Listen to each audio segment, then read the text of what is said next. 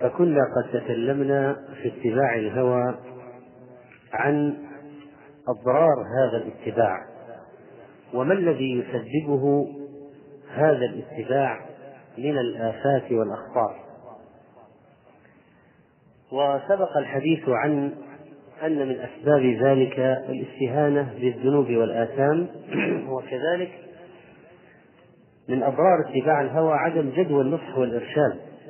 وذلك لأن المتبع لهواه قد ركب رأسه وصار عبدا لشهواته وأنى يستجيب فأنى يستجيب للنصح. ولا خير في قوم لا يتناصحون ولا يقبلون النصيحة فإن لم يستجيبوا لك فاعلم أن ما يتبعون أهواءهم والثاني عشر الابتداع في دين الله. وذلك أن صاحب الهوى يميل إلى ما ابتدع وما استحسن ولذلك قال حماد بن سلمة حدثني شيخ لهم تابة يعني الرافضة قال كنا إذا اجتمعنا فاستحسنا شيئا أو فهوينا شيئا هوانا صار مع هذا الشيء جعلناه حديثا. مباشرة ركبوا عليه حديثا. والابتداع هو الضلال وكل ضلال في النار كما أخبر النبي صلى الله عليه وسلم. والثالث عشر التخبط وعدم الهداية إلى الطريق المستقيم فصاحب الهوى لا يوفق للحق لأنه أعرض عن مصدر الهداية والتوفيق وصار متبعا لهواه لا للكتاب والسنة. فكيف يوفق للطريق الصحيح؟ أفرأيت من اتخذ إلهه هواه؟ وأضله الله على علم وختم على سمعه وقلبه وجعل على بصره غشاوة فمن يهديه من بعد الله؟ أفلا تذكرون؟ والرابع عشر أن من أضرار اتباع الهوى لا يتعدى للآخرين وليس فقط على النفس ولذلك فهو يضل الآخرين ويبعدهم عن الطريق لذلك قال عز وجل وإن كثيرا ليضلون لماذا؟ وإن كثيرا ليضلون بأهوائهم بغير علم ليضلون يعني يضلون غيرهم إذا هذا من أضرار اتباع الهوى أنه يتعدى إلى الآخرين. والخامس عشر أن من نصر هواه فسد عقله ورأيه لأنه خان الله فأفسد عليه عقله. قال المعتصم يوما لبعض أصحابه يا فلان إذا نصر الهوى ذهب الرأي إذا نصر الهوى ذهب الرأي. وقال ابن القيم رحمه الله وسمعت رجلا يقول لشيخنا يعني ابن تيمية رحمه الله إذا خان الرجل في نقد الدراهم سلبه الله معرفة النقد. الآن هناك ناس يميزون بين الدراهم الزائفة والدراهم الصحيحة. كان الواحد منهم يأخذ الدينار الذهب أو درهم الفضة بمجرد مسكه ووزنه في يده وصوته وهو يضرب في بعضه يعرف هذا صحيح أو مزور هذه خبرة. فقال إذا خان الرجل في نقد الدراهم سلبه الله معرفة النقد. فقال الشيخ هكذا من خان الله تعالى ورسوله في مسائل العلم. فاتبع يعني اتبع هواه فإن الله عز وجل يسلبه المعرفة والعلم. والسادس عشر أن من فسح لنفسه في اتباع الهوى ضيق عليه في قبره ويوم معاده. وقد أشار الله عز وجل إلى هذا في قبل في قوله عن الذين تجردوا للحق وجزاهم بما صبروا جنة وحريرا. فلما كان في الصبر الذي هو حبس النفس عن الهوى خشونة وتضييق في الدنيا يعني جازاهم على ذلك نعومة الحرير وسعة الجنة. ولذلك قال أبو سليمان الداراني في الآية وجزاهم بما صبروا جنة وحريرا أي بما صبروا عن الشهوات. والسابع عشر أن اتباع الهوى. يصرع العبد عن النهوض يوم القيامة عن السعي مع الناجين كما صرع في الدنيا بمرافقته لأهل الأهواء. قال محمد بن أبي الورد إن لله عز وجل يوما لا ينجو من شره منقاد لهواه. يوم له شر. ما هو هذا اليوم؟ يوم القيامة. ما هو الدليل على أن يوم القيامة له شر؟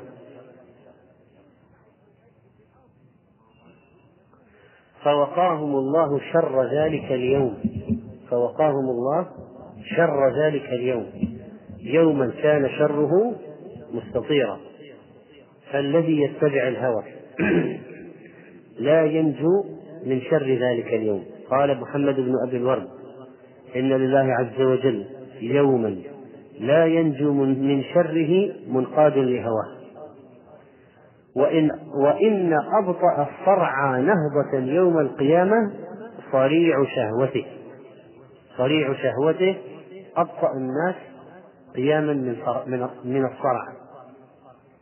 والثامن عشر أن اتباع الهوى يحل العزائم ويوهنها ومخالفته مخالفة الهوى تشد العزائم وتقويها.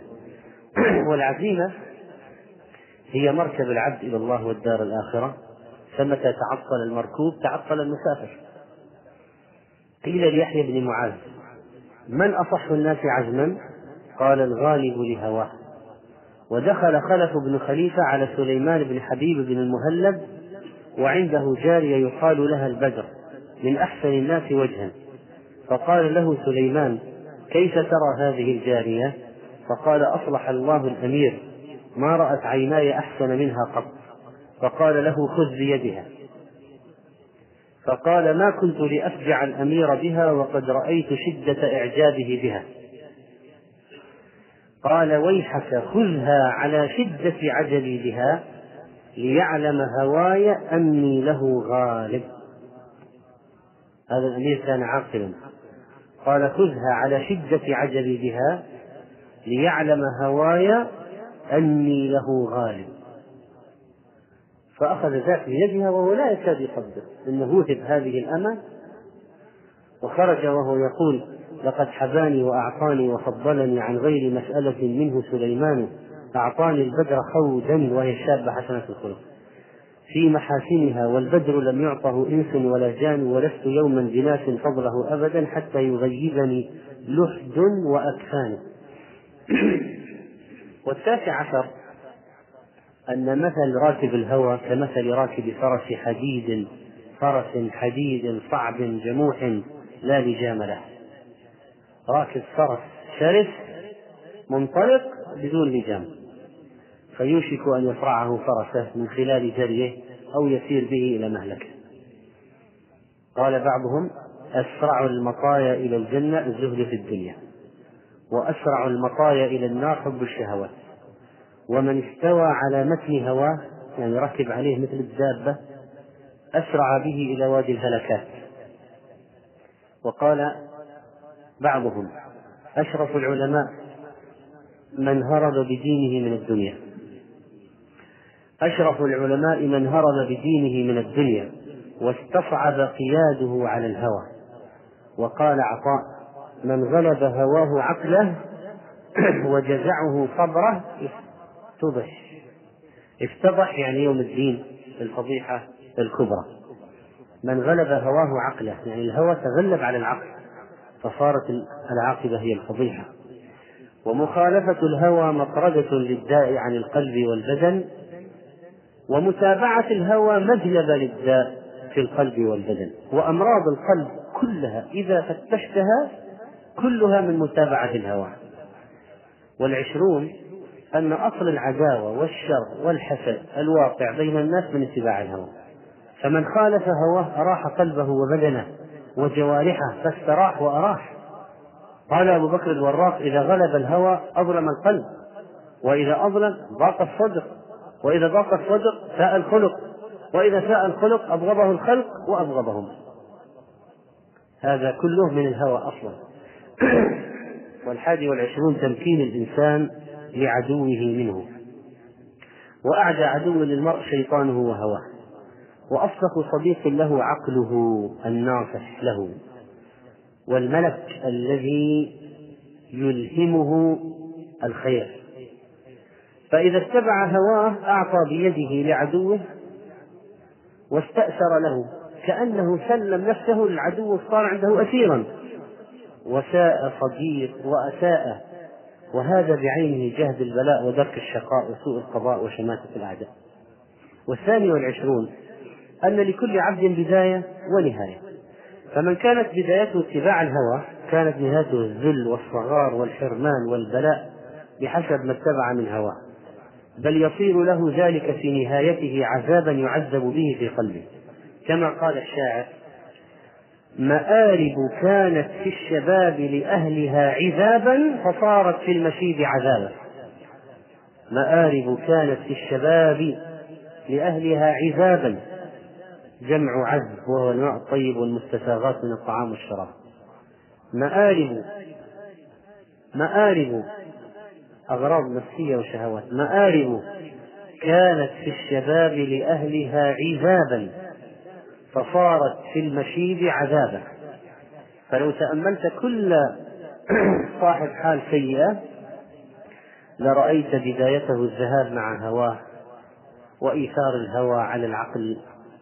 ومن كانت بدايته مخالفة هواه كانت نهايته العز والشرف والغنى والجاه عند الله وعند الناس. قال أبو علي الدقاق من ملك شهوته في حال شبيبته أعزه الله في حال كهولته. من ملك شهوته في حال الشباب أعزه الله في حال الكهولة ابن جرير الطبري رحمه الله كان من أصحاب السمت الحسن والعبادة والطاعة والدين ويغلب هواه ويقهر هواه. ولذلك بلغ ثمانين عمر أكثر من ثمانين. فبت كان مرة في مجلس مع طلابه والناس. ففجأة قام قومة شديدة لما نهضوا قام كأنشط ما يكون. فاستغربوا أن هذا ابن ثمانين يقوم هذه القومة. وكان بعضهم قال هذا الشيخ يعني لا تليق به هذه القومة. قال تلك جوارحنا حفظناها في الصغر. فحفظها الله لنا في الكبر. وقيل للمهلب بما نلت ما نلت يعني وصلت إلى هذه الدرجة والمستوى. قال بطاعة الحزم وعصيان الهوى. هذا في الدنيا لكن في الآخرة جعل الله الجنة نهاية عظيمة لمن خالف هواه والنار نهاية شنيعة لمن اتبع هواه. قال تعالى فأما من طغى وآثر الحياة الدنيا فإن الجحيم هي المأوى. وأما من خاف مقام ربه ونهى النفس عن الهوى فإن الجنة هي المأوى. قال بعض السلف وهذه أقوال لهم في ذم الهوى لنستعرض كيف كان موقفهم منه. قال عمر بن الخطاب رضي الله عنه اقدعوا هذه النفوس عن شهواتها والقدع هو الكف والمنع. اقدعوا هذه النفوس عن شهواتها كفوها وامنعوها من الشهوات. فإنها طلاعة تنزع إلى شر غاية. إن هذا الحق ثقيل مريء. وإن الباطل خفيف وبيء وترك الخطيئة خير من معالجة التوبة ورب نظرة زرعت شهوة وشهوة ساعة أورثت حزنا طويلا. وقال عبد الله بن مسعود إذا رأيت الناس قد أماتوا الصلاة وأضاعوا الأمانة واستحلوا الكذب وأكثروا الحلف وأكلوا الربا وأخذوا الرشا وشيدوا البناء واتبعوا الهوى وباعوا الدين بالدنيا فالنجا ثم النجا فكلتك أمك. انجو بنفسك ما, ما يعاش بينهم. قال أبو الدرداء إذا أصبح الرجل اجتمع هواه وعمله فإن كان عمله تبعا لهواه فيومه يوم سوء. يقول إذا أصبح الرجل كل يوم واحد يصبح يقوم من النوم يجتمع هواه وعمله. فإن كان عمله تبعا لهواه فيومه يوم سوء وإن كان هواه تبعا لعمله فيومه يوم صالح. قال الزبير بن عبد المطلب واجتنب قال قال زبير بن عبد المطلب وأجتنب الكبائر حيث كانت وأترك ما هويت لما خشيت. أترك ما هويت لما خشيت.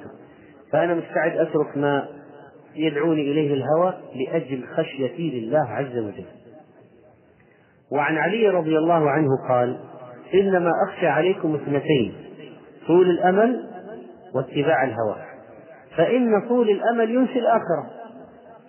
وإن الدنيا قد ترحلت مدبرة وإن الآخرة مقبلة ولكل واحدة منهما بنون فكونوا من أبناء الآخرة فإن اليوم عمل ولا حساب.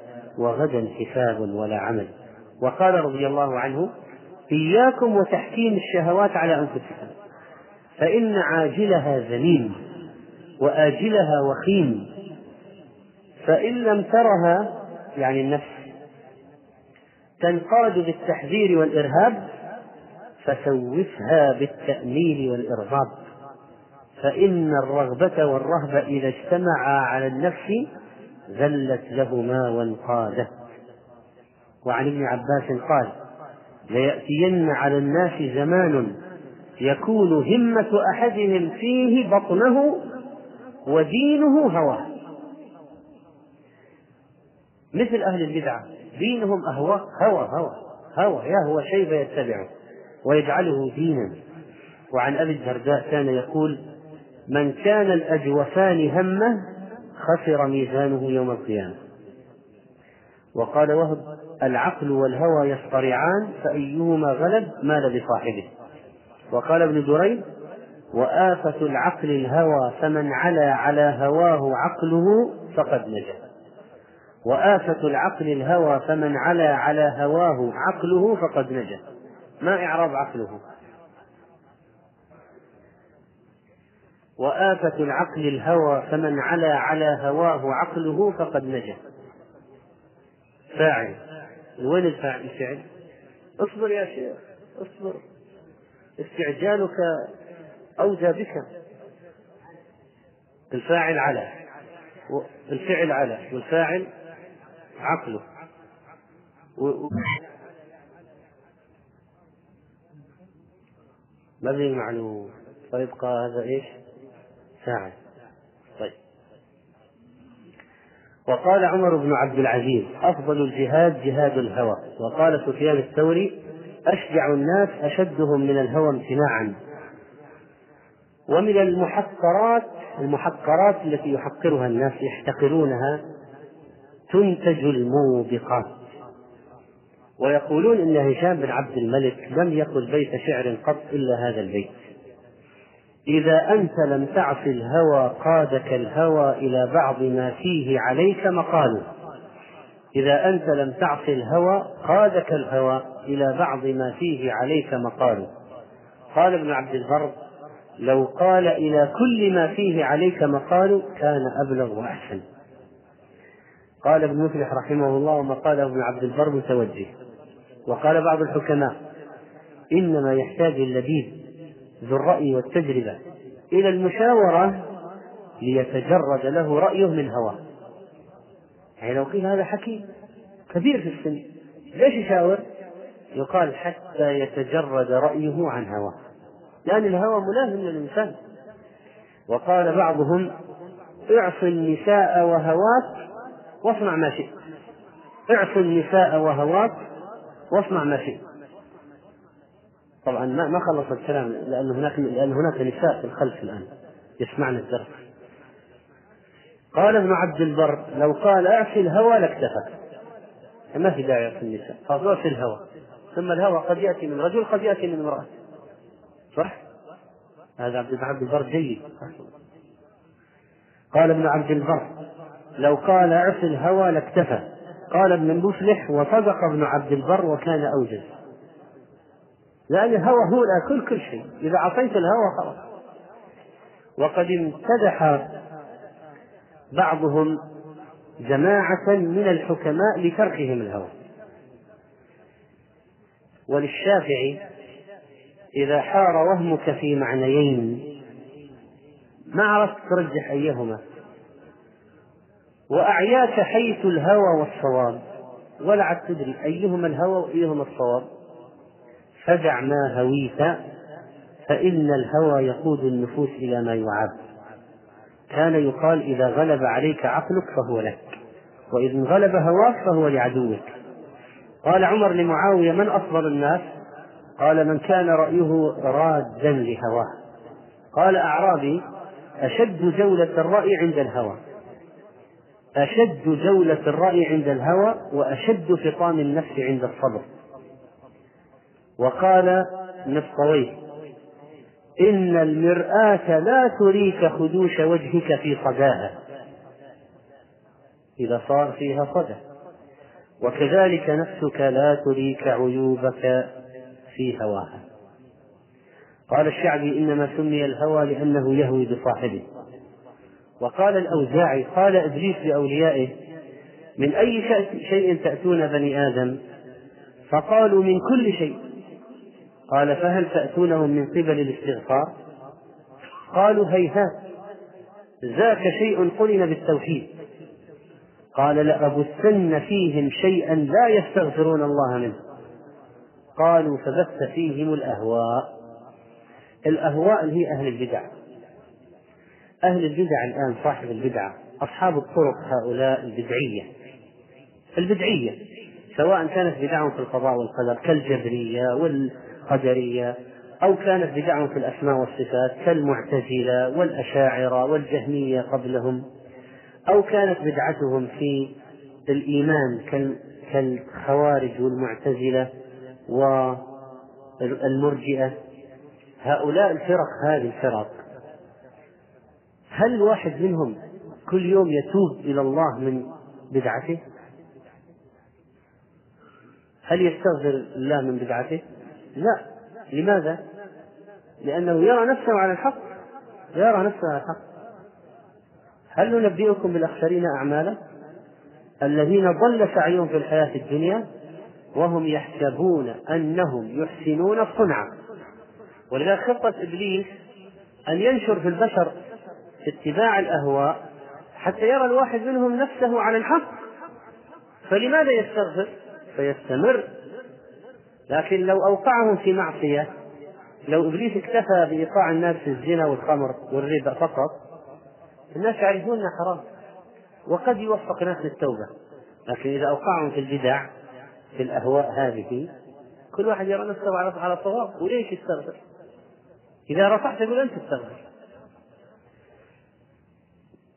وعن جعفر ابن الزبرقان قال بلغني عن أبي منبه أنه قال إن من أعوان الخلائق على الدين الزهادة في الدنيا وأوشكها ردا اتباع الهوى ومن اتباع الهوى الرغبة في الدنيا ومن الرغبة في الدنيا حب المال والشرف وإن من حب المال والشرف استحلال الحرام وغضب الله.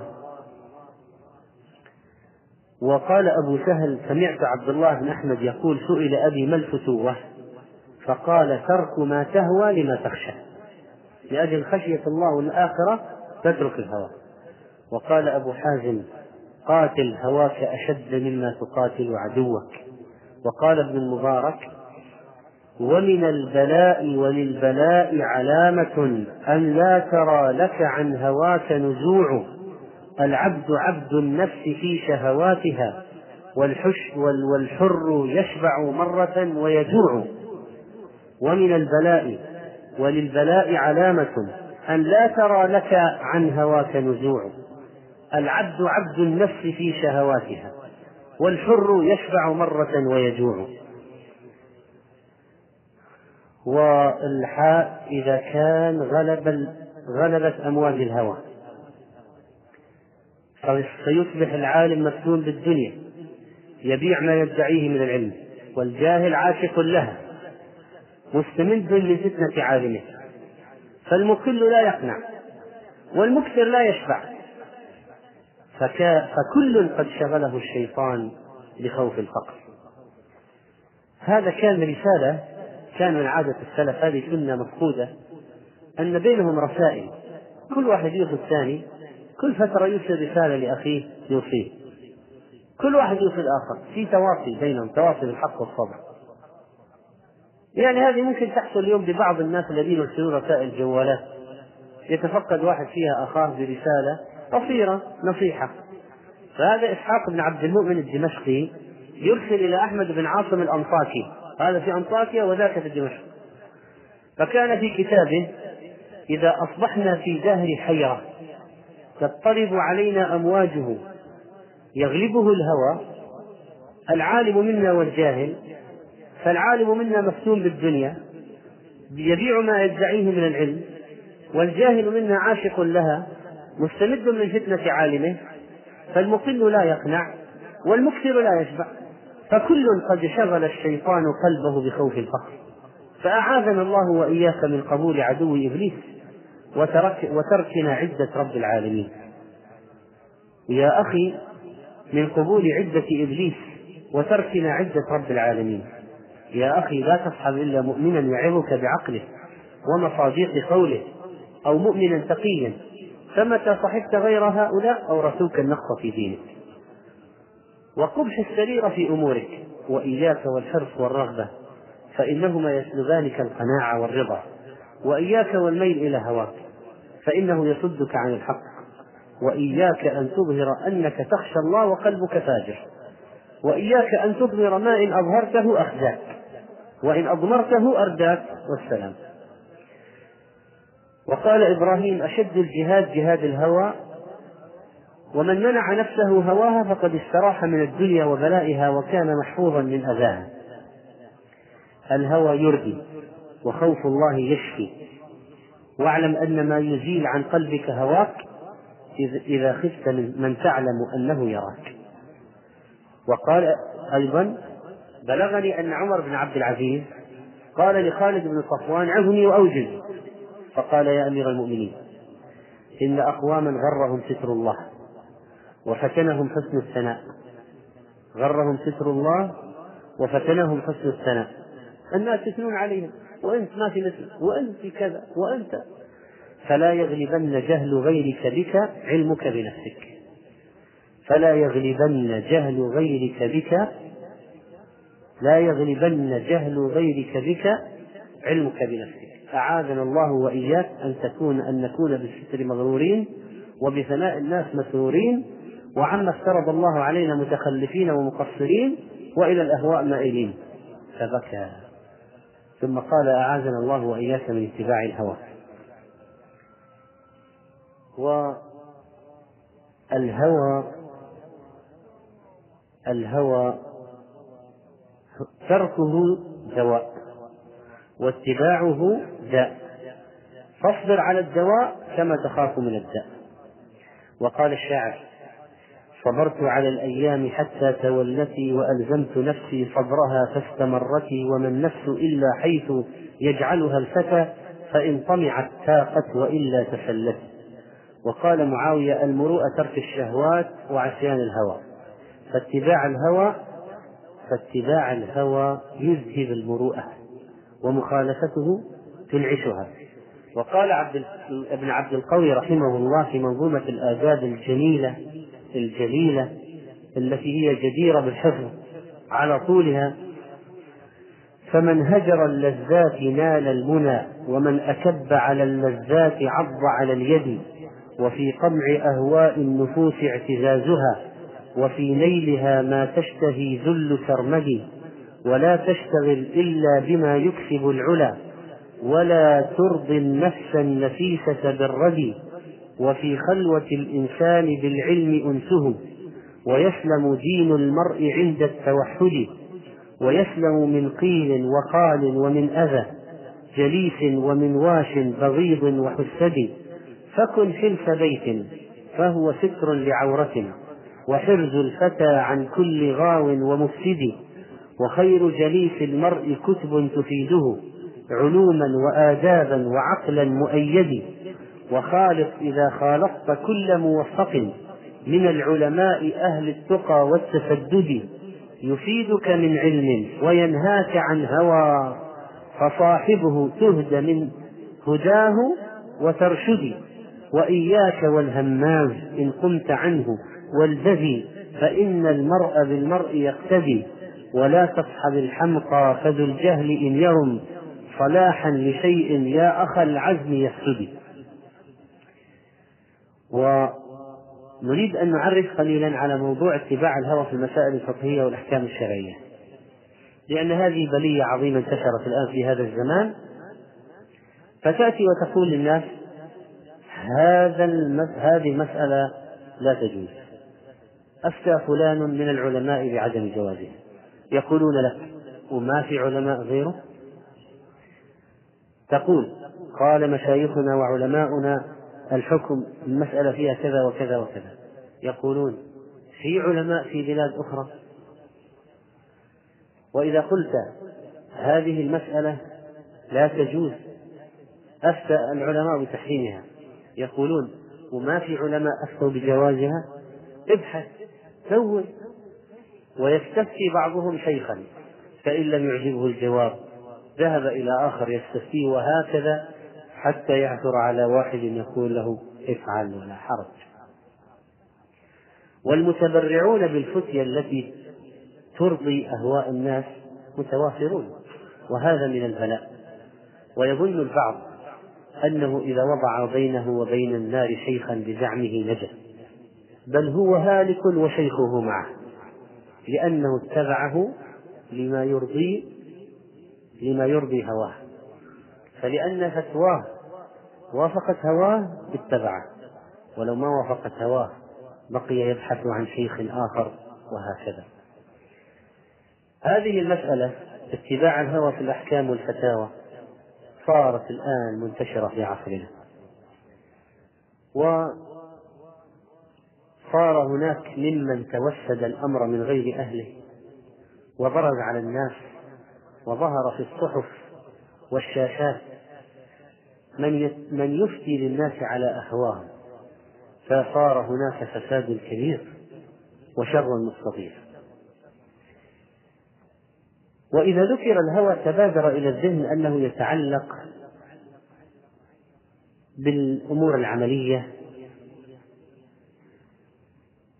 وبالشهوات بالذات. بينما إذا نظرنا إلى الشريعة وجدنا أن الهوى يجمع كل مخالفة للكتاب والسنة. وقد جعل الله تعالى الهوى مضادا للشرع. أي شيء خلاف الشرع فهو هوى. فهو هوى. وفي باب العلميات من العقائد بعضهم لا يشعر بأنه يخالف أصلا بل ربما يشعر أنه على الحق وأنت على الباطل. ولذلك سبق الكلام بأن إبليس دخل عليهم من باب اتباع الأهواء. قال شيخ الإسلام رحمه الله ولهذا كان من خرج عن موجب الكتاب والسنة من المنسوبين إلى العلماء والعباد يجعل من أهل الأهواء يجعل يجعل من أهل الأهواء كما كان السلف يسمونهم أهل الأهواء. وذلك أن كل من لم يتبع العلم فقد اتبع هواه. والعلم بالدين لا يكون إلا بهدي الله الذي بعث به رسوله صلى الله عليه وسلم. ثم تحدث عن الطرق المبتدع المبتدعة وأن أصحابها أتباع الهوى وأن أتباع السنة أصحاب العلم والعدل والهدى. ومخالفي السنة مخالفو السنة أصحاب هوى وجهل وظلم. وقد قال عز وجل ثم جعلناك على شريعة من الأمر فاتبعها ولا تتبع أهواء الذين لا يعلمون إنهم لن يغنوا عنك من الله شيئا. فالشريعة معلومة وكل ذوق ووجه وتفكير وجهة وجهة لا تشهد لها الشريعة فهي من أهواء الذين لا يعلمون. فهي من أهواء الذين لا يعلمون. ولهذا كان السلف يعدون كل من خرج عن الشريعة في شيء من الدين من أهل الأهواء. ويجعلون أهل البدع هم أهل الأهواء.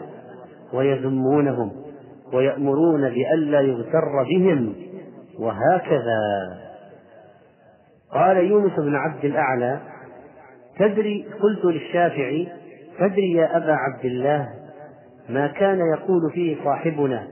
يعني يريد الليث بن سعد.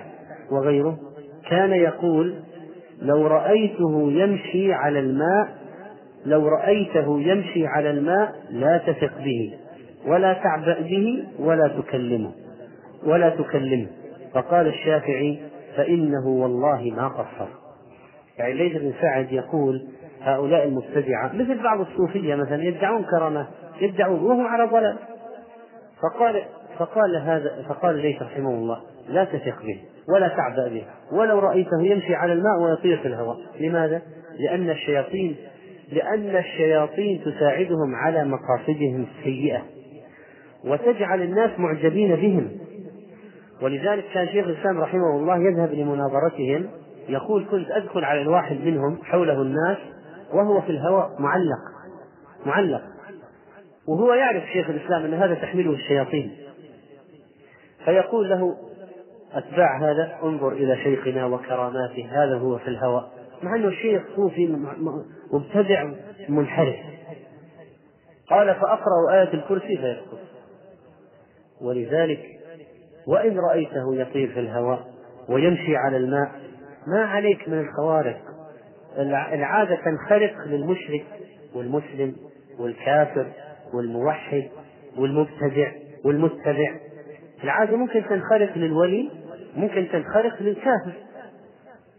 ممكن. ممكن تروح للهند وتجد بعض الهندوس أو بعض البوذيين أو بعض السيخ أو بعض الكفر المشركين يحصل له شيء عجيب. ممكن يدخلون سيفا من ظهر من بطن ويطلع من الظهر ويدخل خنجر في دماغه ولا يسيل منه قطرة دم. كيف هذا؟ تعينهم الشياطين. إيش الشياطين؟ يعني الجن الذي أخرج الذي كان مستعدا ليخرج. عرش ملكة سبأ من داخل قصرها ويعبر به الجدران والنوافذ والأبواب ويطير به إلى من اليمن إلى الشام عند سليمان عليه السلام. اللي يطلع العرش من داخل القصر يوديه من اليمن للشام. ما يعجز يطلع يدخل من هنا سيخ من الشيش يطلع من الناحية الثانية الجني عندهم قدرات الجن. فهؤلاء مثل أصحاب الطرق الرفاعية وغيرهم الذين تكلم عنهم شيخ الإسلام ابن تيمية كالبطائحية. هؤلاء الذين يلفون الخرق الخضراء وغيرها أصحاب الطرق يدعون أن عندهم كرامات يقولون انظروا هذا نخرق واحد بطنه بالسيف ولا يصير له شيء. ويضع خنجر في دماغه ولا يصير له شيء. ويدخل سيخا من هنا ويخرجه من الطرف الآخر ولا يصير له شيء. ممكن يصعد في الهواء كانه يصعد على سلم. بل ويذهب في نفس اليوم يذهب إلى مكة ويرجع. ويقول الحجاج الذين رجعوا بعد شهر وشهرين رأيناه في عرفة رأيناه في مكة رأيناه في الحرم. قال شيخ الإسلام ومن منكراتهم أنهم يمرون بالميقات لا يحرمون منه. الجني مستعجل. ما يوقف له يطير فجأة يوديه بسرعة. فيمرون بالميقات لا يحرمون منه. فإذا يقول الليث بن سعد رحمه الله يقول لو رأيته يمشي على الماء لا تثق به ولا تعبأ به ولا تكلمه. قال الشافعي فإنه والله ما قصر. وقال عاصم قال أبو العالية تعلموا الإسلام فإذا تعلمتموه فلا ترغبوا عنه وعليكم بالصراط المستقيم فإنه الإسلام. ولا تحركوا الإسلام يمينا وشمالا وعليكم بسنة نبيكم الذي والذي كان عليه أصحابه وإياكم هذه الأهواء التي تلقي بين الناس العداوة والبغضاء. فحدثت الحسن يعني بكلام أبي العالية فقال صدق ونصح. فحدثت حفصة بنت سيرين فقالت أبا علي أنت حدثت محمدا بهذا؟ قلت لا. قالت فحدثه إذا انقل هذا كلام نفيس انقله. وقال أبي بن كعب عليكم بالسبيل والسنة فإنه ما على الأرض عبد على, السبيل والسنة ذكر الله ففاضت به عيناه من خشية الله فيعذبه. يعني لا يمكن إذا فعل هذا لا يمكن أن يعذب. وما على الأرض عبد على السبيل والسنة ذكر الله في نفسه. فاقشعر جلده من خشية الله إلا كان مثله كمثل شجرة قد يبس ورقها فهي كذلك. إذ يعني على هذه اليبوسة إذ أصابتها ريح شديدة فتحات عنها ورقها ولتحط عنه ولتحط عنه خطاياه كما تحات عن تلك الشجرة ورقها. وإن اقتصادا في سبيل وسنة خير من اجتهاد في خلاف سبيل وسنة. فانظروا أن يكون عملكم إن كان اجتهادا أو اقتصادا أن يكون على منهاج إن كان اجتهادا أو اقتصادا أن يكون على منهاج الأنبياء وسنتهم. وكذلك قال عبد الله بن مسعود الإقتصاد في السنة خير من الاجتهاد في البدعة. وقيل لأبي بكر بن أبي عياش بكر بن عياش هذا رجل فاضل من المقرئين الكبار في هذه الأمة. هذا لما حضره الموت قال لابنه يا بني لا تعص الله في هذه الحجرة فإني ختمت القرآن فيها ثمانية عشر ألف ختمة. هذا عند الموت. فهو يريد أن أن يعظ ولده. قال لا تعص الله في هذه الغرفة. وقيل لأبي بكر بن عياش يا أبا بكر من السني؟ قال الذي إذا ذكرت الأهواء لم يغضب لشيء منها. وهذا أصل عظيم. هذه السني إذا ذكرت الأهواء البدع لا يدافع عنها إطلاقا بل إنه يغضب منها ولا يغضب لها. وهذا أصل عظيم من أصول سبيل الله وطريقه. وكذلك فإن تحدث شيخ الإسلام عن بعض أهل الأهواء الذين جعلوا هناك رسوما وألوانا وملابس معينة وخطوات معينة وأشكال معينة لهم وقالوا هذه أشكال الصالحين. وابتدعوا في دين الله ما لم يأذن به الله مثل حلق الرأس في غير الحج والعمرة. وطبعا تعود حلق الرأس في غير الحج والعمرة مكروه. هو من فعل الخوارج فيما هم إيش؟ التحليق. فيما هم التحليق. ولذلك قال اتخذ طوائف من النساك الفقراء الصوفية دينا جعلوه شعارا وعلامة على أهل الدين والنسك والخير من شكل معين وملابس معينة وأكل معين وقالوا هذا هو الطريق. هذا هو الطريق. فذهب مرة أحد علماء هذا العصر وكان في بداية أمره يبحث عن الحق. كان شابا.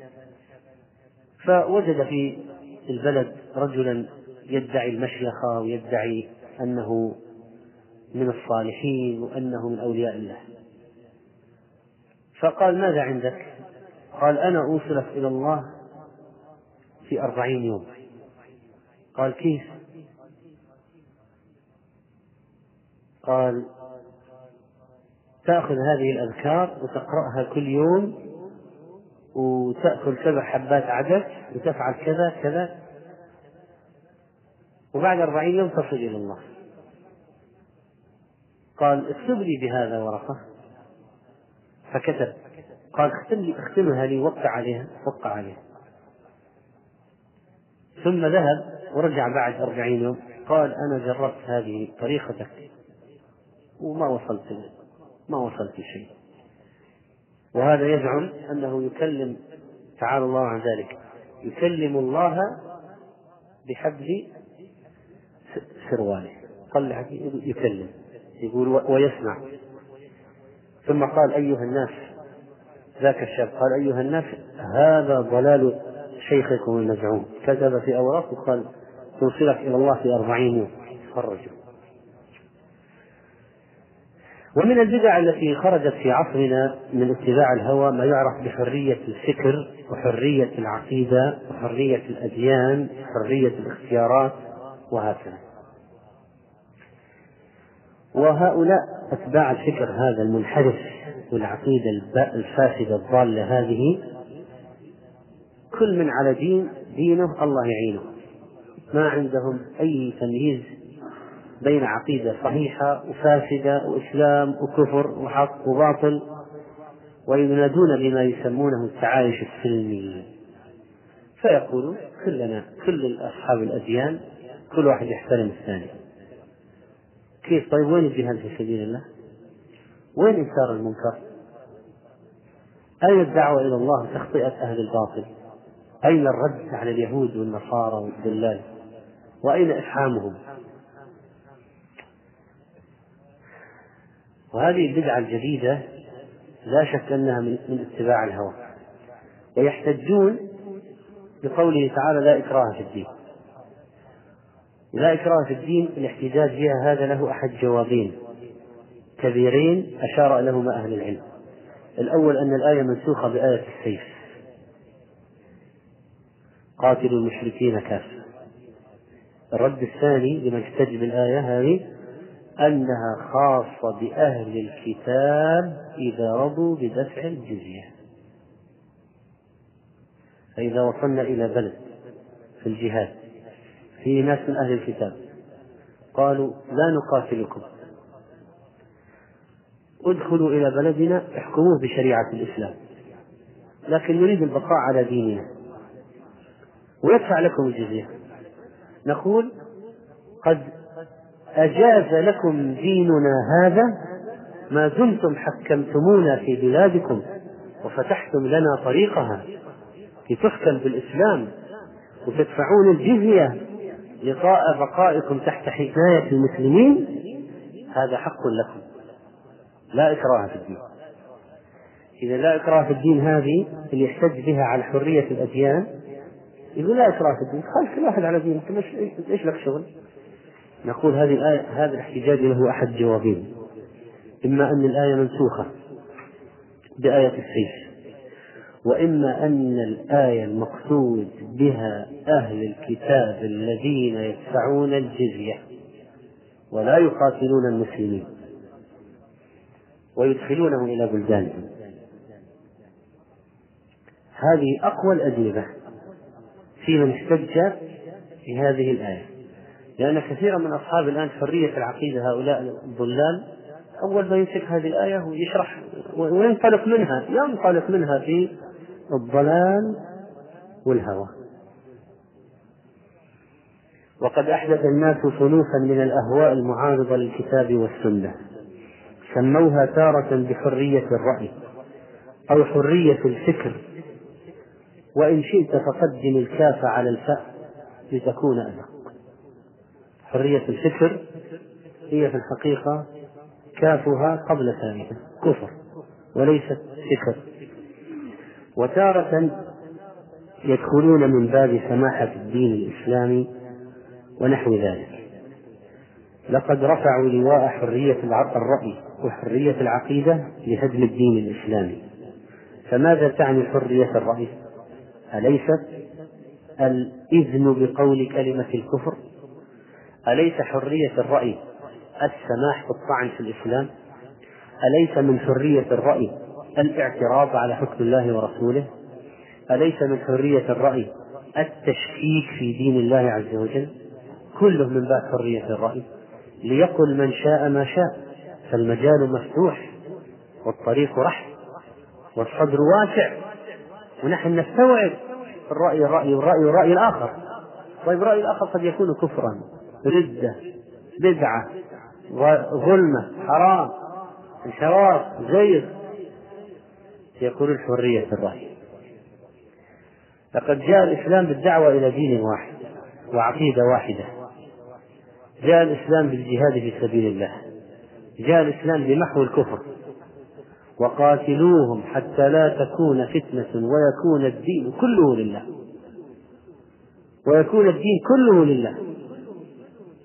فهذا الذي يدعو إليه الإسلام ولا يدعو الدين أبدا إلى إبقاء الكفر على ما هم عليه وترك الكفر يصلح في الأرض. وإلا فما معنى أن الله عز وجل أنزل هذا الدين ومن يبتغي غير الإسلام دين فلن يقبل منه؟ وهو في الآخرة من الخاسرين؟ وحينما نستعير مصطلحات الشرق والغرب ثم نلصقها بدين الله تكون المصيبة. المصيبة أن يأتي ناس من بني جلدتنا ويتكلمون بلغتنا ويقولون حرية الرأي حرية الفكر ويأتون بأدلة من القرآن والسنة على حرية الرأي حرية الفكر. لا إكراه في الدين ونحوها. فمن المؤسف أن نستعير مصطلحات الشرق والغرب ثم نلصقها بدين الله ونأتي عليها بأحاديث وأدلة. وتحت ضغط الواقع المنحرف يشتد هؤلاء على المسلمين ويرفعون لواء هذه الجريمة المسماة بحرية الرأي. ويفتحون الطريق للمنافقين وللمرتدين وللكفار ليطعنوا في الإسلام. وليعلنوا المخالفة لدين الله سبحانه وتعالى. هذه انهزامية مصيبة وهذه بدعة جديدة. وكأن هؤلاء لم يقرأوا قول الله وما كان لمؤمن ولا مؤمنة إذا قضى الله ورسوله أمرا أن يكون لهم الخيرة من أمرهم. فظهر جيل لا يقر من الدين إلا بما يوافق هواه. وغزيت البيوت بهذه الموجات وقيل إن كل شيء معرض للنقد. وإن وإنه ليس هناك مسلمات. ما في مسلمات. من البدع الجديدة التي ينادي بها تيار ما يعرف بالوسطية الآن إنه ما في شيء اسمه مسلمات كل شيء ممكن النقاش فيه. حتى لو تقول الرب اثنين نتناقش. هذا ما ينادي به اليوم تيار الوسطية المزعوم. ما في مسلمات كل شيء قابل للنقاش. والميدان مفتوح. فارفع لواء الكفر والزندقة ونتناقش. ويسمحون بهذا. اطرح ما عندك. صدرنا يتسع للرأي والرأي الآخر. نحن نتقبل أن يقول من شاء ما شاء. وذاك الزنديق يقول على الملأ والمجال مفتوح. عامة يسمعون المجال مفتوح. قد يكون أفصح وأبلغ من الذي يرد عليه. والمجال مفتوح. هذا تيار الوسطية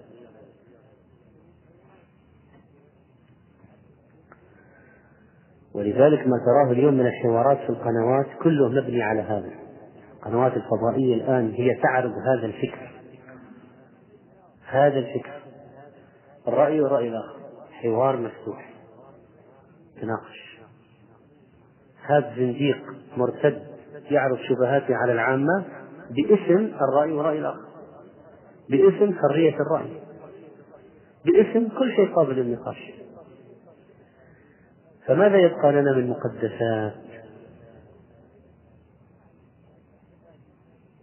وأي أحكام ثابتة بقيت في الدين إذا كل شيء معرض للنقاش؟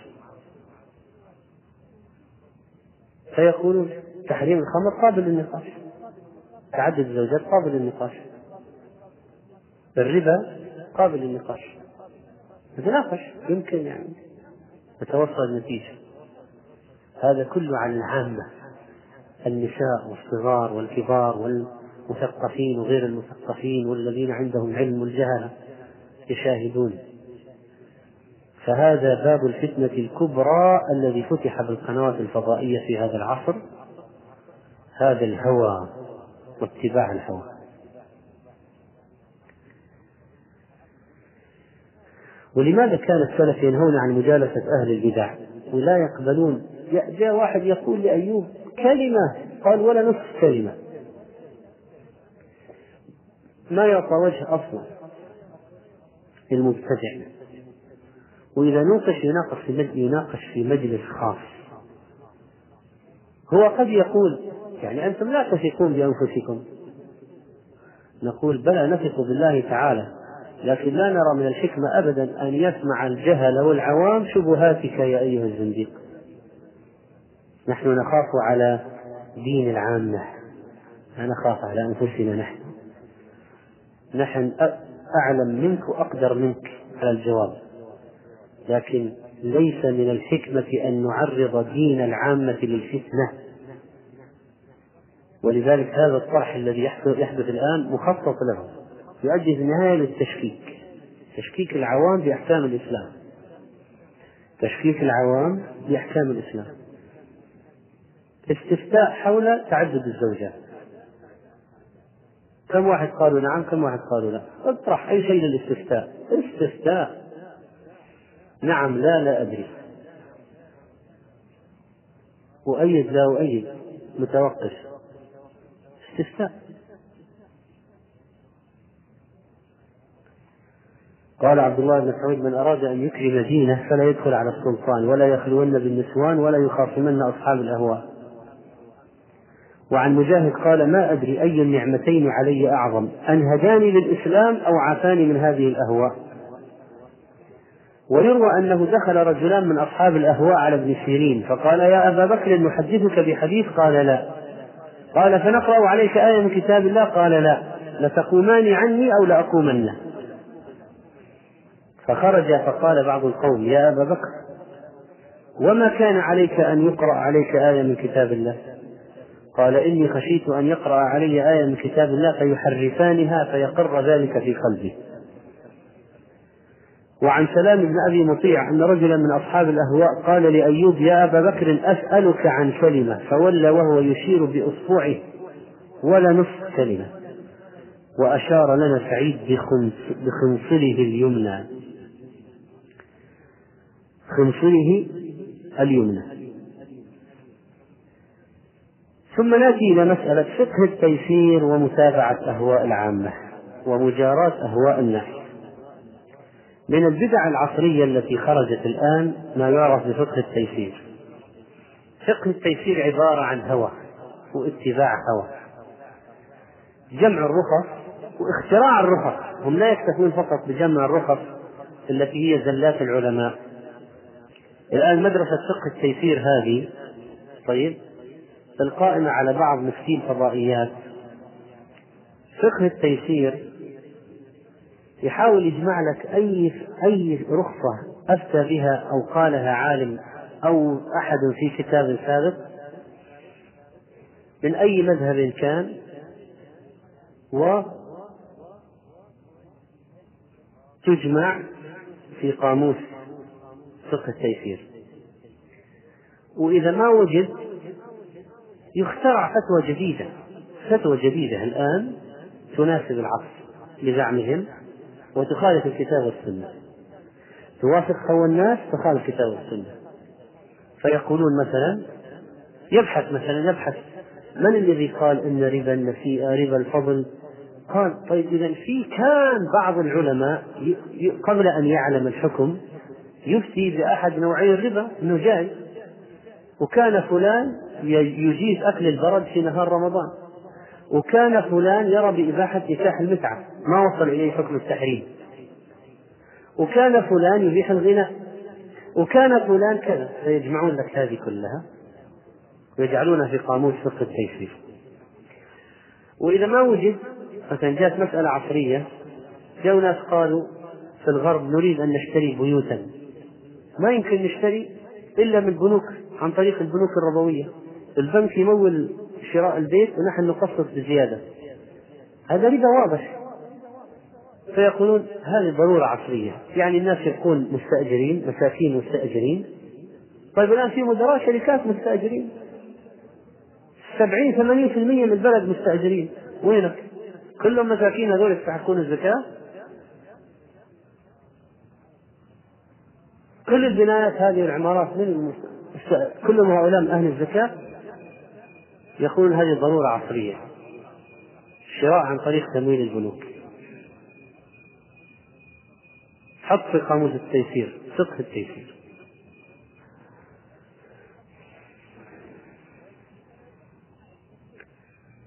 وهكذا كثرت الأهواء في اتباع الرخص ومن تتبع رخص العلماء تزندق وخرج من دينه فإنه ما من عالم إلا هو له سقطة أو زلة واحدة على الأقل.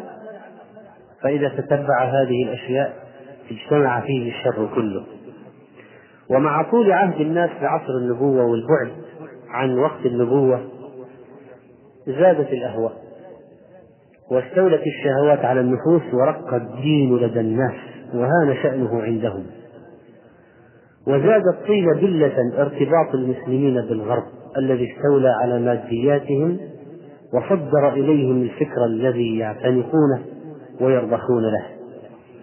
وترك هذا الأمر أثره مع الأسف حتى على بعض الدعاة أو الذين يزعمون نصرة الإسلام ويتصدرون في المجالس وفي الكلام. فصاروا يريدون إعادة النظر في بعض الأحكام الشرعية. يقولون ثقيلة على الناس. الناس لا يطيقونها ماذا تريدون؟ قالوا نخصص. نرغب الناس في الدين. أنتم تريدون إدخال الناس من باب ثم إخراجهم من الدين من باب آخر أنتم تريدون إدخال الناس في دين ليس هو دين الله أنتم تريدون أن تنشروا على الناس إسلاما آخر غير الذي أنزله الله أنتم تريدون أن تقدموا للناس أحكام غير أحكام الشريعة التي أتى بها رب العالمين ماذا تريدون؟ ما هو نوعية الإسلام الذي تريدون تعليمه للناس؟ وأي شريعة هذه وأي أحكام وأي فقه تريدون أن تقدموها للناس. ومن الناس من يتطوع لمتابعتهم ولا شك. الناس فيهم أهل هوى وأتباع. أتباع كل ناعم. ويريدون يسرا ولا يريدون مشقة ويريدون سهولة ولا يريدون تكاليف.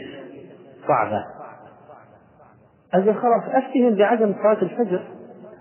لأن صلاة الفجر فيها مشقة. وأفتهم بعدم الصوم في الصيف الحار لأن الصوم في الصيف الحار مشقة. خلاص أفتهم بالفطر والقضاء بعدين. وأفتهم بصلاة الصبح الساعة الثامنة. أنت ما دمت أنك تريد أن تخفف على الناس خف خلاص. وقل إن الربا ضرورة عصرية.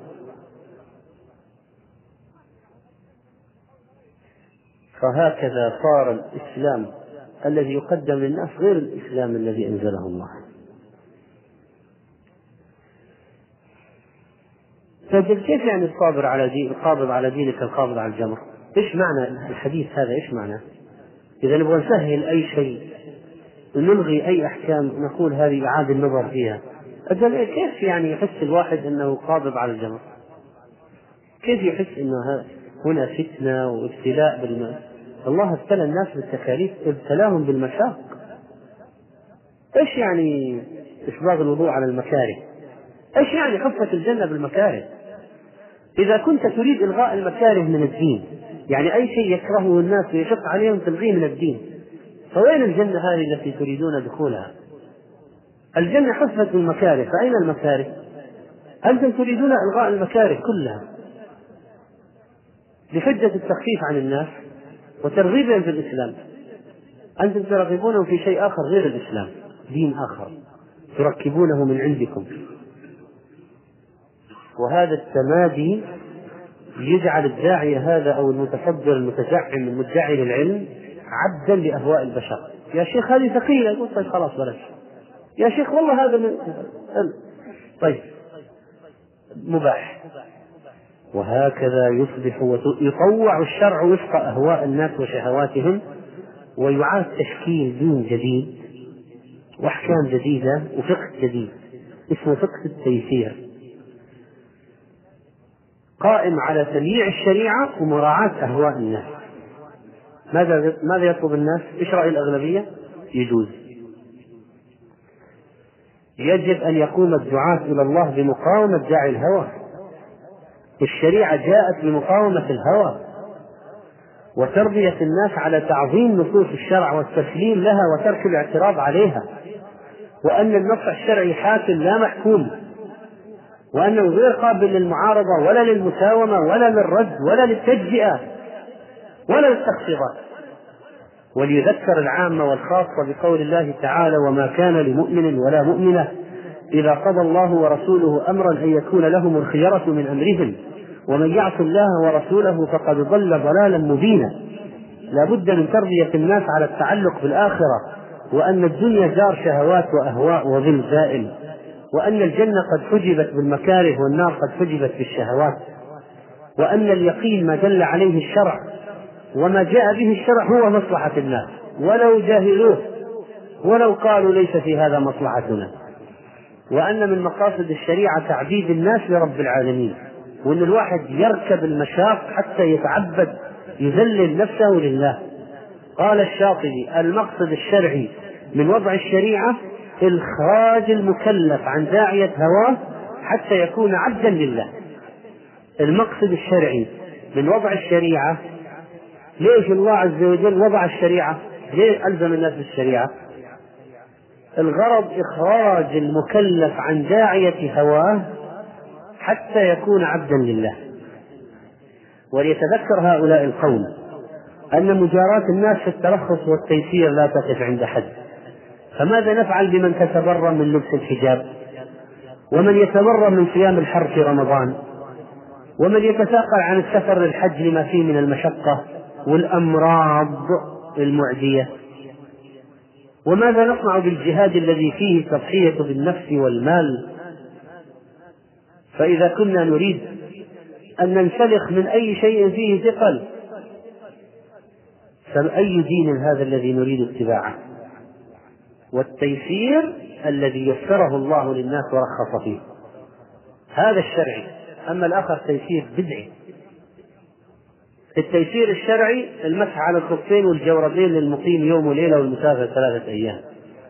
تيسير شرعي من كان منكم مريضا أو على سفر فعدة من أيام أخرى هذا تيسير شرعي. أما تأتي وتقول الربا ضرورة عصرية هذا كلام فارغ. وختاما في هذا الموضوع فإننا نريد أن نعرف ما هو علاج الهوى. أولا الرجوع إلى الله سبحانه وتعالى ودعاؤه عز وجل حتى يوفق العبد ويقيه شر هذه الأهواء ويقيه شر هذه الأهواء وكان النبي صلى الله عليه وسلم يقول في دعائه اللهم إني أعوذ بك من منكرات الأخلاق والأعمال والأهواء. رواه الترمذي وهو حديث صحيح. وكان مسافر الجفاف قال كان إبراهيم يدعو فيقول اللهم اعصمني بكتابك وسنة نبيك محمد صلى الله عليه وسلم من اختلاف في الحق ومن اتباع الهوى بغير هدى منك ومن سبيل الضلال ومن شبهات الأمور ومن الزيغ واللبس والخصومات. ثانيا لا بد من ملء القلب بما يضاد الهوى من محبة الله والقرب منه عز وجل. وداء اتباع الهوى والإعجاب بالنفس لا يلائمه كما قال ابن القيم كثرة قراءة القرآن واستفراغ الوسع في العلم والذكر والزهد. وإنما يزيله إخراجه من القلب بضده. وفي كتاب روضة المحبين لابن القيم ذكر فصلا في علاج الهوى قال فيه فإن قيل كيف يتخلص من هذا من قد وقع فيه فالجواب بأمور. أحدها عزيمة حر يغار لنفسه وعليها. عزيمة حر حتى تتخلص من الهوى تقاوم الهوى.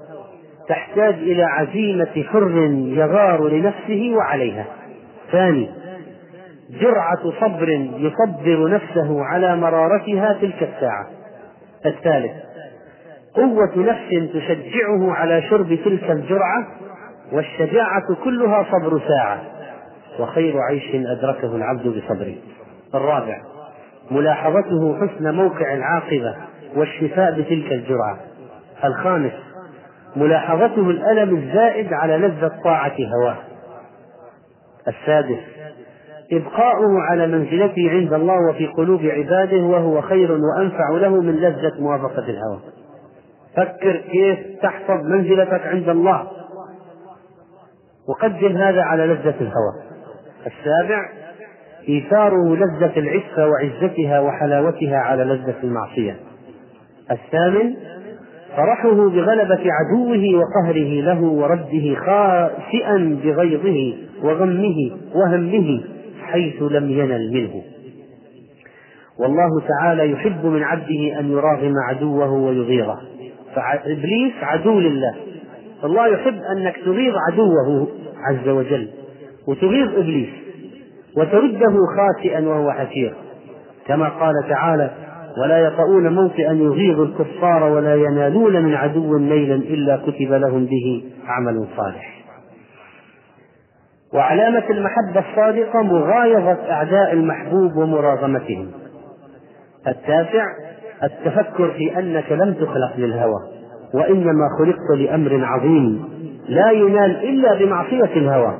كما قيل قد هيئوك لأمر لو فطنت له فاربأ بنفسك أن ترعى مع الهمل. العاشر أن يسير بقلبه في عواقب الهوى فيتأمل. كم أفاتت معصيته من فضيلة؟ وكم أوقعت في رذيلة؟ وكم أكل منعت أكلات؟ وكم من لذة فوتت لذات؟ وكم من شهوة كسرت جاها ونكست رأسا؟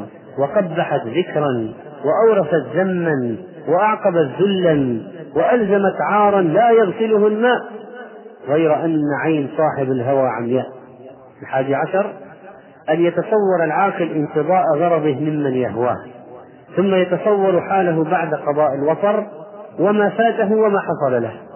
فالآن لو دعا داعي الهوى للزنا بامرأة أو لذ محرمة مع أمرد فليتخيل هذا المدعو إلى الحرام نفسه بعد المعصية. هو الآن لسه ما وقع فليتخيل نفسه بعد الزنا وبعد الفاحشة. كيف سيكون حاله؟ سيكون نادما بئيسا كئيبا ضيق الصدر. يكره نفسه. فما دام الآن النهاية سيئة فالآن أنت ممكن تتدارك. ما صار شيء. فأفضل الناس من لم يرتكب سببا حتى يميز لما تجني عواقبه.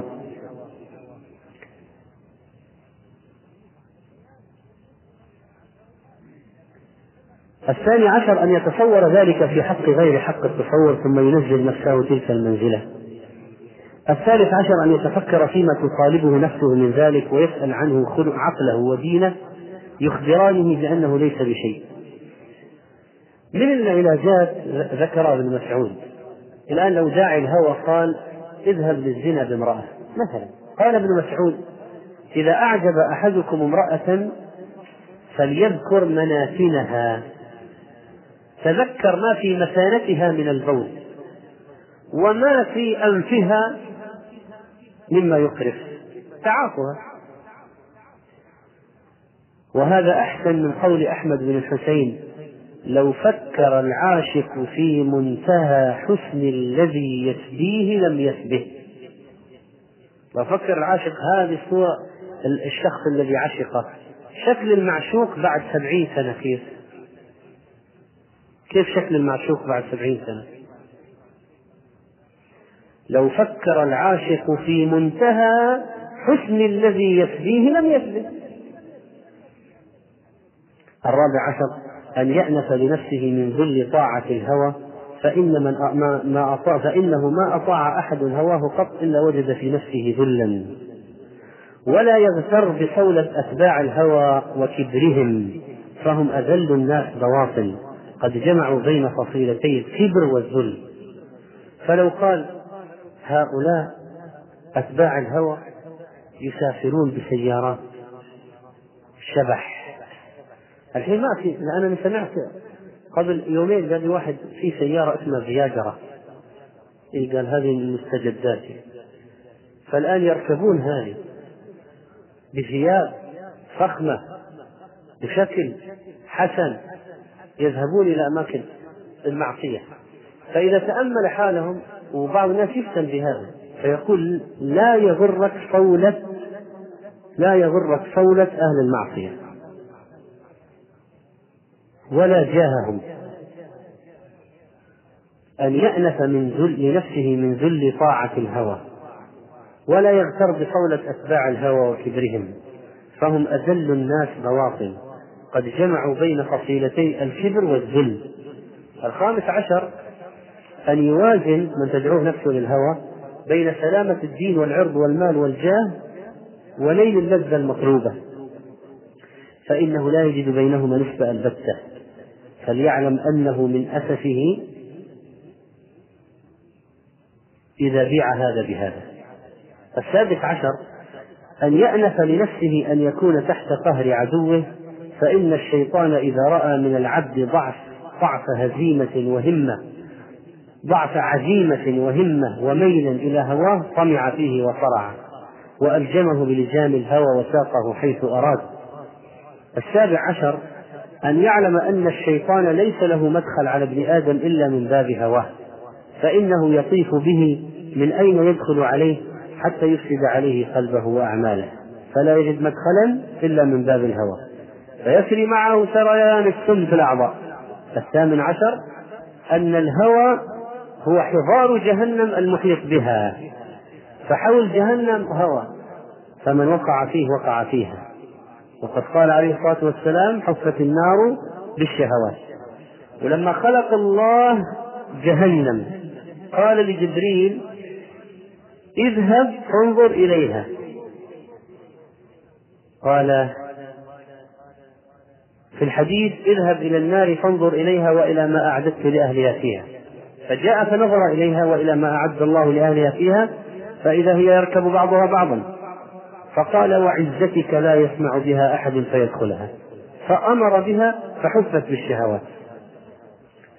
وقال لجبريل ارجع فانظر إليها فرجع إليها فإذا هي قد حفت بالشهوات.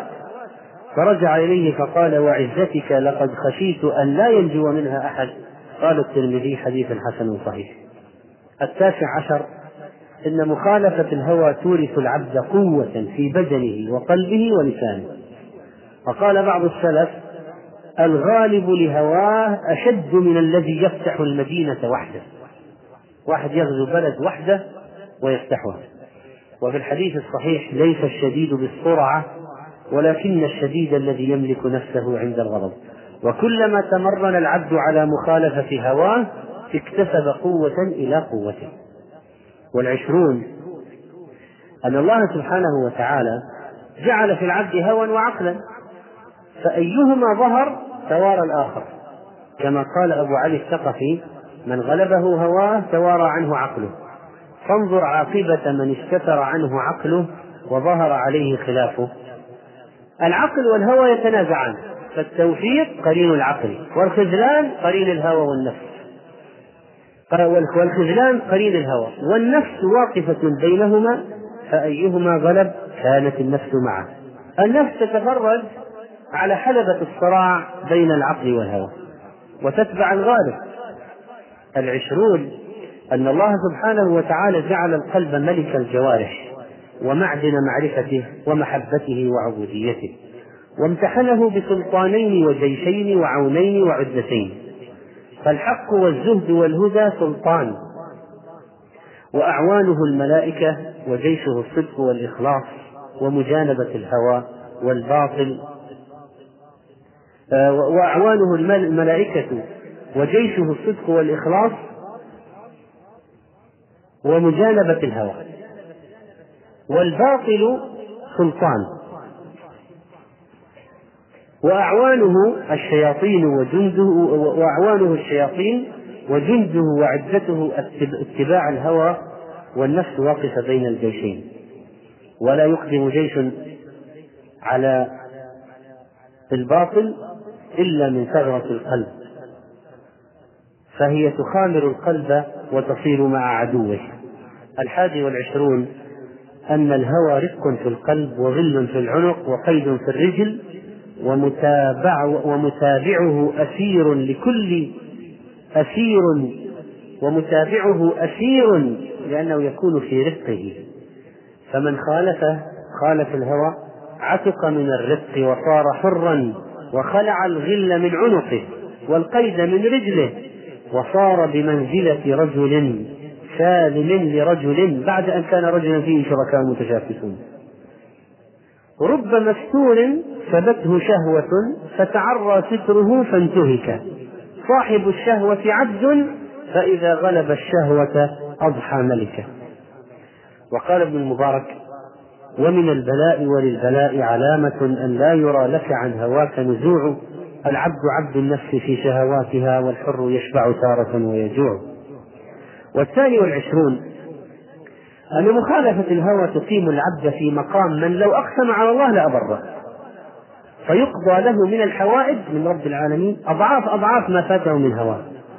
فهو كمن رغب عن بعرة وأعطي بدلا منها درة ومتبع الهوى يفوته من مصالحه العاجلة والآجلة والعيش الهنيء. الشيء الكثير لو نسبه للهوى فإن ترك الهوى كان أسهل بكثير. وما يفوت بترك الهوى ليس بشيء بالنسبة لما يبقى من عز الطاعة. وتأمل يوسف عليه السلام لما فوت على نفسه لذة الحرام مع امرأة العزيز. وخالف هواه. ماذا أعقبه الله؟ بسط الله تعالى له لسانا وقدما ونفسا وعزا في السلطان بعد خروجه من السجن. لما قبض نفسه عن الحرام بسط الله له يد بسط الله له يده في السلطان فصار عزيز مصر ومن الرؤى والمنامات الصالحة لسفيان الثوري ما رآه عبد الرحمن بن مهدي بعد موت سفيان الثوري. قال في المنام. يقول عبد الرحمن طبعا علماء من زمان العلماء وهؤلاء طلاب عند العلماء وأهل العبادة والزهد والورع والعلم والدين إخوة في الله الواحد يشتاق للآخر جدا. وإذا مات صعب عليه ويتمنى لو يراه في المنام يتمنى لو يكون له خبر عن حاله. فعبد الرحمن بن مهدي لما مات سفيان الثوري رآه في المنام فقال له ما فعل الله بك؟ قال لم يكن إلا أن وضعت في لحدي حتى وقفت بين يدي الله تبارك وتعالى. فحاسبني حسابا يسيرا ثم أمر بي إلى الجنة. فبينا أنا أدور بين أشجارها وأنهارها. لا أسمع حسا ولا حركة إذ سمعت قائلا يقول سفيان بن سعيد؟ فقلت سفيان بن سعيد. قال تحفظ أنك آثرت الله عز وجل على هواك يوما؟ تحفظ أنك في يوم من الأيام قدمت الله على هواك؟ قلت إي والله. فأخذني النثار من كل جانب. النثار ما يلقى على العروس عادة أو على الحضور قال فأخذني النثار من كل جانب. التاسع والأربعون أن مخالفة الهوى توجب للعبد شرف الدنيا وشرف الآخرة وعز الظاهر وعز الباطن ومتابعة الهوى تصيره عبدا ذليلا عند الله وعند الناس حقير ويوم القيامة إذا نودي أهل الجمع يا أهل الكرم ليقم المتقون فيقومون إلى محل الكرامة وأتباع الهوى ناكسوا رؤوسهم في حر الهوى وعرقه وألمه بينما المتقون في ظل العرش. فنسأل الله سبحانه وتعالى أن يكفينا دواعي الهوى وأن يصرف عنا سبل الرجاء وأن يجعل التوفيق لنا رائدا والعقل لنا مرشدا وأن يجعلنا ممن يتعظون ومن الذين يتعلمون قبل أن يعلمون قبل أن يعلموا. وكذلك فإن هذا الأمر وهو اتباع الهوى جدير بأن يدرس ويفكر فيه وأن يكون العبد على حذر دائم منه. نسأل الله أن يوفقنا لكل خير.